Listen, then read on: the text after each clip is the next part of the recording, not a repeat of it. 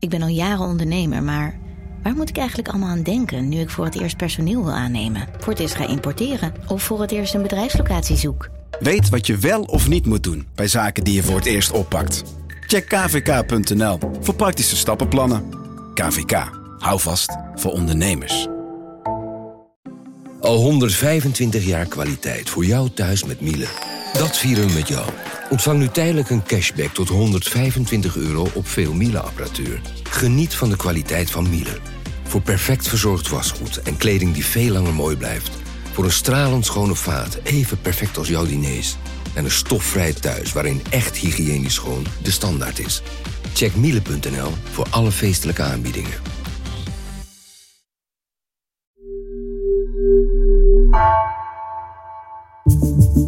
Vanaf de redactie van NRC het verhaal van vandaag. Mijn naam is Gabriella Ader.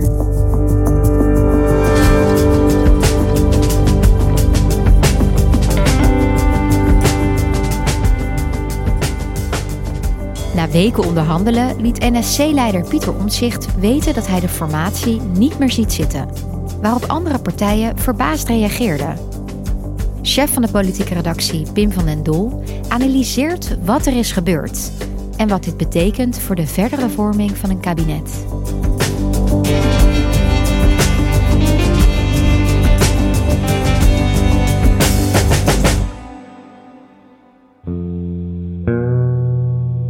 Uh, dinsdagavond stuurde NSC-leider Pieter Omtzigt een brief naar zijn leden waarin hij aankondigde dat hij uh, zou stoppen met de formatiebesprekingen met de PVV, VVD en BBB. En dat kwam eigenlijk voor iedereen in Den Haag uh, als een grote verrassing, ook voor informateur Ronald Plasterk. Ja, um, ik ben een beetje verbaasd. Um, een beetje, van wat ik tot dusver gehoord heb, warrig verhaal. Omtzigt was die ochtend nog wel bij informateur Plasterk geweest. daar hadden ze nog gesproken over de laatste stand van zaken in de formatie, bijvoorbeeld rond de financiën. Maar toen ja, had hij eigenlijk nog helemaal geen signalen gegeven dat hij er echt mee wilde stoppen. Nou ja, zoals ik gisteren uh, op Twitter ook aangaf, is dit uh, voor mij uh, ook gewoon een hele grote verrassing. Ja, ik ben echt oprecht verbaasd en ook wel geschokt eerlijk zijn. Nou, we zaten midden in constructieve gesprekken en dan begrijp ik niet zo goed waarom je daarvan weg zou lopen. Iedereen had eigenlijk via een appje van Pieter Omtzigt moeten horen dat hij met de gesprekken zou stoppen. En eigenlijk op precies hetzelfde moment nou ja, stonden die berichten ook in alle media. Dus daar was de rest natuurlijk wel echt onaangenaam door verrast. En daarmee ja, zette Omtzigt wel behoorlijk wat kwaad bloed. En nou ja, veel mensen die dat horen zullen zich natuurlijk afvragen wat er precies gebeurd is. en ook de vraag hoe nu verder. Ja, het kwam dus behoorlijk onverwachts, hè, Pim? Zou je eens kunnen vertellen, wat ging hieraan vooraf? Nou, de formatie is eigenlijk alweer een hele tijd bezig. Hè. Er worden nu ongeveer twee maanden gesprekken gevoerd tussen deze vier partijen. En zeker in het begin waren er echt al wat twijfels van, nou, hè, zou, zou dit kunnen lukken? En toen ging het eigenlijk nog vooral over de rol van de PVV en hun standpunten bijvoorbeeld, die botsen met de grondwet en de democratische rechtsstaat. Hè. En dat was ook uh, een beetje voor de VVD, maar ook voor, voor NSC, de Partij van Omtzigt, nou, toch wel een groot issue. We hebben daar nooit zo heel veel meer over gehoord, behalve dat Wilders een paar van zijn omstreden anti-islam voorstellen ook officieel heeft ingetrokken. Maar blijkbaar ja, zijn ze daar uiteindelijk wel uitgekomen. Want op een gegeven moment uh, was, was als duidelijk dat ze ook over allerlei andere uh, grote thema's al aan het uh, onderhandelen waren. Hè, zoals bijvoorbeeld het geld, maar ook de aanpak van asiel en migratie. Dus het dus, leek voorspoedig te gaan? Ja, tot zeg maar een week of anderhalf, twee geleden leek er eigenlijk nog niet zo heel veel aan de hand. En leken de partijen wel op schema te liggen om ook samen verder te kunnen. Maar half januari, een paar weken geleden, leken toch wel de eerste barstjes te ontstaan. Een moment was dat de VVD in de Eerste Kamer toch de uh, omstreden spreidingswet uh, zou aannemen. Hè, dat is de wet die asielzoekers op een eerlijke manier over alle gemeenten in het land moet verdelen. Um, maar dat is iets waar bijvoorbeeld de PVV, met name van Geert Wilders, echt fel op tegen is. En waar ook inmiddels hè, de Tweede Kamerfractie van de VVD zich tegen had gekeerd. Maar goed, uh, de Eerste Kamer ging toch akkoord. En opeens ja, moest Dylan Jezelgus ook gaan uitleggen aan Wilders en de rest van uh, hoe het zover gekomen was. Dus dat, dat vond uh, bijvoorbeeld Wilders al met name heel erg vervelend. Heel ongemakkelijk was het ja, ook, hè? precies. En je kon verder ook wel merken dat de partijen, dat de sfeer aan tafel gewoon niet altijd heel goed was. En dat uh, zag je bijvoorbeeld op X, op Twitter. dit is echt een beetje de, de, de X-formatie tot nu toe. Met partijleiders die ook wel heel erg veel berichten aan elkaar, over elkaar oh, sturen aan elkaar daar. echt, als voor tieners. Ja, soms wel. En die waren niet altijd heel aardig van toon. Dus anderhalf week geleden bijvoorbeeld was het VVD-congres. Daar hield uh, Dylan Jezelgus natuurlijk nog een speech. En toen maakten ze bijvoorbeeld nog een beetje de grap uh, over Wilders. Van ja, met heel veel boze tweets kun je ook de verkiezingen winnen. Maar als er zoveel op ons afkomt en zoveel gaande is, dan snap ik ook wel dat we soms de neiging hebben om heel hard tegen die problemen te roepen dat ze er niet hadden moeten zijn. En bij alles wat tegen zit, even de telefoon te pakken en een boze bericht de wereld in te sturen. En het lucht vast wel op, maar het lost niets op. En ik geef toe, als je dat heel vakkundig doet, kan je er zelfs de verkiezingen mee winnen. Toen had Wilders op maandagochtend, vlak voordat de gesprekken verder zouden gaan, weer gezegd: Oh, wat is die Jezelgus toch zuur. Dus je kon merken dat op X werden er soms eh, best wel nare dingen over elkaar gezegd. En uh, nou, dat kwam de sfeer aan tafel natuurlijk niet ten goede. Nee. En toch lijkt het erop dat er uiteindelijk iets is gebeurd waardoor Pieter Omtzigt nu deze beslissing heeft genomen. Ja, want een ander groot onderwerp waar de partijen best wel verdeeld over waren, wat we ook al wel hoorden, uh, dat was de financiën. Hè, hoeveel geld kan het volgende kabinet uitgeven? Moet er misschien ook bezuinigd worden? En Pieter Omtzigt uh, bleek de afgelopen dagen, had daar grote zorgen over. En ja, het lijkt er eigenlijk op dat nou juist op dit punt de formatie is misgelopen. Ja, want waar ging dat precies over? Wat ging er dan mis rondom dat financiële vraagstuk? Nou, dan moet je weten dat bij zo'n kabinetsformatie zijn de financiële plaatjes zeg maar altijd heel uh, belangrijk. En uh, uh, Pieter Omtzigt vindt hè, gezonde overheidsfinanciën ook belangrijk. En daarom hadden de partijen al een paar weken geleden eigenlijk een, een, een uitvraag gedaan, zoals dat dan wordt genoemd bij alle ministeries. Van nou zijn er de komende jaren bijvoorbeeld nog extra tegenvallers te verwachten? Hè? Moeten we nog rekening houden met oplopende kosten? En afgelopen maandag kwam daar zeg maar, een nieuwe update van die cijfers naar de vier formerende partijen. En kreeg ook Pieter Omtzigt die nieuwe cijfers onder ogen. En hij zei eigenlijk, ja, daar ben ik zo van geschrokken. En het bleek dat een deel van deze informatie al eerder bekend was bij informateur Plasterk. Ja, zo kan ik niet verder praten. Zo kunnen we geen goed beeld hebben van uh, welke financiële keuzes er nodig zijn. Dus hij schreef in die brief eigenlijk dat dat eigenlijk de belangrijkste reden was voor hem om nu uit die onderhandelingen te willen stappen.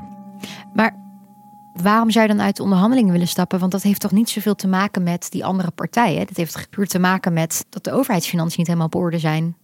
Nee, dat, dat klopt. Het was eigenlijk dus om te beginnen leek het echt een verwijt ook aan Plasterk als informateur. Hè, uh, dat hij te laat deze cijfers zou hebben gedeeld. Hè, dat hij een soort van informatie had achtergehouden bijna. Ook wel weer een typisch omzicht om zoiets dan te zeggen. Van de stukken waren niet op tijd. Uh, dat heeft hij natuurlijk als Kamerlid ja. veel vaker gedaan. En het was ook inderdaad wat je zegt uit die brief een beetje onduidelijk wat nou zijn verwijt aan de andere drie partijen was. Want dat schreef hij eigenlijk helemaal niet echt op. Maar waar het op lijkt, hè, is dat het toch wel heel moeilijk lag met de keuzes rond bijvoorbeeld de bezuinigingen die een volgend kabinet waarschijnlijk moet doorvoeren. Van uh, NSC en, en, de VVD is bekend dat zij echt wel bereid zijn om te bezuinigen en om ook moeilijke keuzes te maken. Maar de PVV en de BBB die willen ook vooral heel veel extra geld uitgeven. Bestaanszekerheid, hè? Ja, is dat. bestaanszekerheid, maar ook het eigen risico afschaffen bijvoorbeeld. Dat zijn best dure maatregelen. Als je dan nieuwe cijfers krijgt hè, die nog slechtere uh, overheidsfinanciën uh, laten zien, dan, dan wordt het natuurlijk extra moeilijk om daar, om daar uit te komen. En heb je het gevoel dat dit wel de echte reden is? Nou, dit is natuurlijk wat hij naar buiten toe nu als de reden heeft gepresenteerd. Maar we horen wel uh, ook uh, vanuit de andere partijen dat er echt wel meer speelde. Hè? Dat Omtzigt eigenlijk al langere tijd gewoon aan het twijfelde over of hij nou echt wel samenwerking met deze partijen zag zitten. We weten ook dat hij nou ja, soms best geïrriteerd was door de tweets die, die Wilders bleef sturen tijdens de formatie. Dat er echt wel dingen gezegd werden waar hij gewoon niet achter kon staan. Dat hij dus niet ja, volledig vertrouwde ook op de andere partijen. Dus ja, vertrouwen speelt altijd een hele grote rol in dit soort formaties. En ja, daar was bij hem ook gewoon onvoldoende van aanwezig. En wat betekent dit nu voor ja, het verdere verloop van de formatie?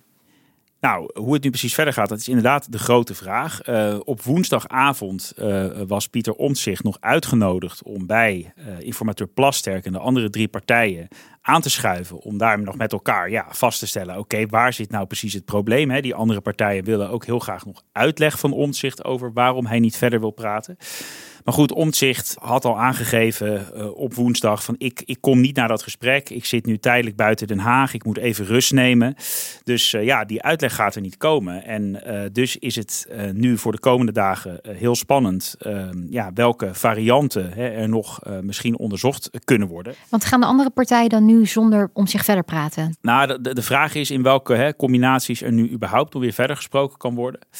Kijk, Omtzigt heeft in zijn brief nog wel andere varianten uh, genoemd waar hij misschien in de volgende fase nog wel over, over door zou willen praten. Zoals? Nou, hij noemt dan bijvoorbeeld, uh, waar hij al langer voorstander van is, het een minderheidskabinet. Dat uh, betekent gewoon zoveel als dat een kabinet niet een vaste meerderheid heeft in de Tweede Kamer. Het voordeel daarvan vindt hij ook, hè, Omtzigt is al jaren voorstander van, van betere controle door het parlement, meer invloed van het parlement, dat ook meer partijen in de Kamer, ook de oppositie, meer te zeggen heeft over uh, het kabinetsbeleid. In dit geval zouden zij dan buiten willen blijven en bijvoorbeeld een ander minderheidskabinet uh, wel vanuit de Kamer kunnen steunen. Dus een van de varianten nu voor een minderheidskabinet uh, lijkt, nu Omtzigt niet mee wil doen, bijvoorbeeld dat de PVV met de VVD en BBB zo'n uh, zo'n minderheidskabinet vormt. Maar goed, de vraag is weer of bijvoorbeeld de VVD dat überhaupt ziet zitten. Want uh, Jezogus heeft eerder aangegeven, hè, wij willen het liefst alleen een rechtskabinet gedogen. En wij willen ook niet meedoen. Dus oh. ja, kortom, Omtzigt kan dit wel graag willen, maar de vraag is heel erg of uh, de andere partijen dat bijvoorbeeld een werkbare uh, variant vinden. nog een andere variant die Omtzigt vaak heeft laten vallen is wat een extra parlementair kabinet wordt genoemd. En dat is eigenlijk een, een vorm die we in Nederland heel weinig hebben gezien. Ik wou net um, zeggen, ik ken die term helemaal niet. Nee, en dat uh, betekent eigenlijk dat er niet echt een vaste coalitie is van partijen die één kabinet met een meerderheid vormen. Maar dat uh, nou ja, bijvoorbeeld nog meer partijen zeggen: wij uh, willen wel op een steun geven aan een kabinet. Uh, als het op hoofdlijnen een aantal dingen doet of zich voorneemt. Maar daar kunnen dan ministers, staatssecretarissen van allerlei partijen in zitten. Ook mensen van buiten de politiek, een soort vakministers. Nou, dat is een vorm waar Omtzigt ook wel in gelooft. Wat hij denkt dat het goed zou passen bij de huidige tijd. Maar ja, waarvan het maar weer de vraag is ook... zien die andere partijen daar überhaupt iets in? Maar wat ik me dan wel afvraag, hè, als ik jou dit zo hoor zeggen... denk ja, maar dan alsnog is toch niet het probleem... rondom dat financiële vraagstuk verholpen? Nee, toch? Nee, dat, nee, nee uh, die vormen alleen niet. Maar goed, als hij denkt misschien dat hij met andere partijen wel... Uh, op het gebied van de financiën tot betere keuzes kan komen, ja, dan zit daar misschien toch nog een opening. Maar goed, dat, dat moet hij dan eerst duidelijk uitspreken. Ja. Nu kan hij dat natuurlijk wel willen en zo zeggen. En je noemde net wel even hoe uh, Jezilgus hier naar keek, naar dat idee van een minderheidskabinet. Hoe kijken andere partijen naar die mogelijke kabinetsvormen die Omtzigt oppert? Nou, de meeste partijen zijn niet per se heel enthousiast hè, over de varianten die Omtzigt wil. Maar eh, misschien nog wel belangrijker is de vraag van hè, hoe enthousiast zijn ze nog uh, om met hem door te praten na wat er deze week is gebeurd. Want Ja. Nou ja, zeker de manier waarop hè, ze het ook te horen kregen dat hij niet eens meer naar eh, die laatste bijeenkomst met Plasterk wilde komen. Ja, dat, dat wordt toch ook wel hoog opgenomen. Daar wordt wel van gezegd, ja, kunnen wij zo wel samenwerken met, eh, met Omtzigt. Aan de andere kant, er zijn, hè, zeker voor deze rechtse partijen, ook niet zoveel alternatieven zonder uh, Pieter Omtzigt. Dus ook al vinden ze het niet leuk hoe het nu is gegaan, het zou ook kunnen dat ze toch bereid zijn om hem nog weer een extra kans te geven. En dat er misschien de komende weken toch wel weer een soort lijnpoging komt tussen deze partijen.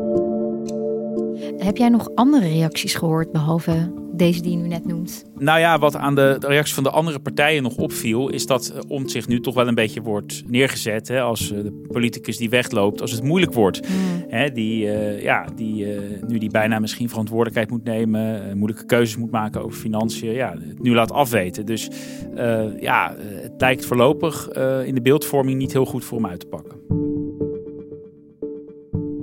En als het nu daadwerkelijk het einde is van deze formatie, hè, als deze partijen niet meer met elkaar om tafel gaan zitten, zijn er dan ook andere opties denkbaar nu voor jou? Er is zeker nog een getalsmatig alternatief, zeg maar, in de Tweede Kamer. Dat zou een, een breed middenkabinet zijn, waarbij ook links uh, betrokken wordt. Dat zou zijn een kabinet bestaande uit links, GroenLinks, PvdA, de VVD, uh, NSC en D66. Die komen samen op 78 zetels. Nou, dat is getalsmatig stabiel, redelijk ja. stabiel. Alleen politiek ook wel heel ingewikkeld. Want dan zouden dus GroenLinks, PvdA en de VVD toch weer nu samen moeten regeren, links en rechts. Ja, en met name de VVD. Kijk, Timmermans heeft dat nooit helemaal uitgesloten. Maar de VVD heeft eigenlijk wel gezegd: ja, dat, dat, dat zien we echt niet zitten. We gaan niet links aan de meerderheid helpen. We willen juist een keer uh, hè, op migratie scherpe maatregelen nemen. Dus, dus Jezus heeft dat eigenlijk wel uitgesloten.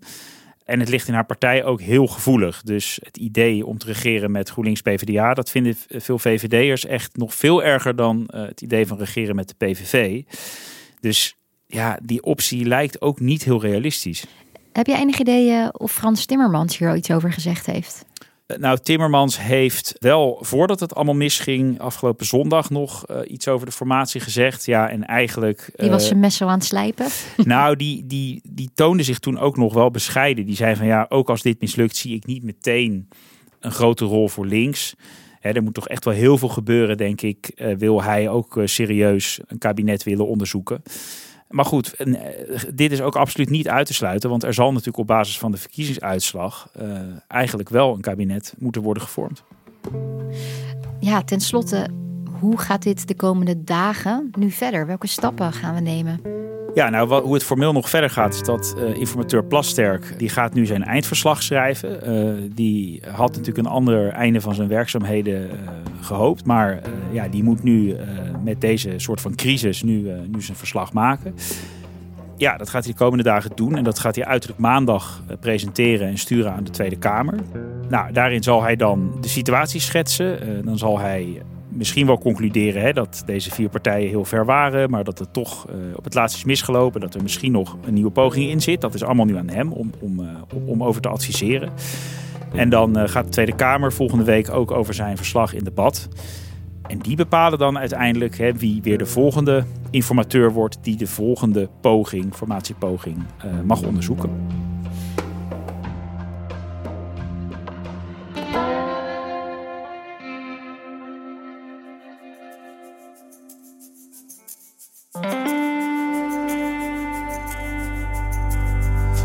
Je luisterde naar vandaag, een podcast van NRC. Eén verhaal, elke dag. Deze aflevering werd gemaakt door Mila Marie Bleeksma, Ignaas Schoot en Bas van Win. Coördinatie Henk Ruigrok van de Werven. Dit was vandaag, morgen weer.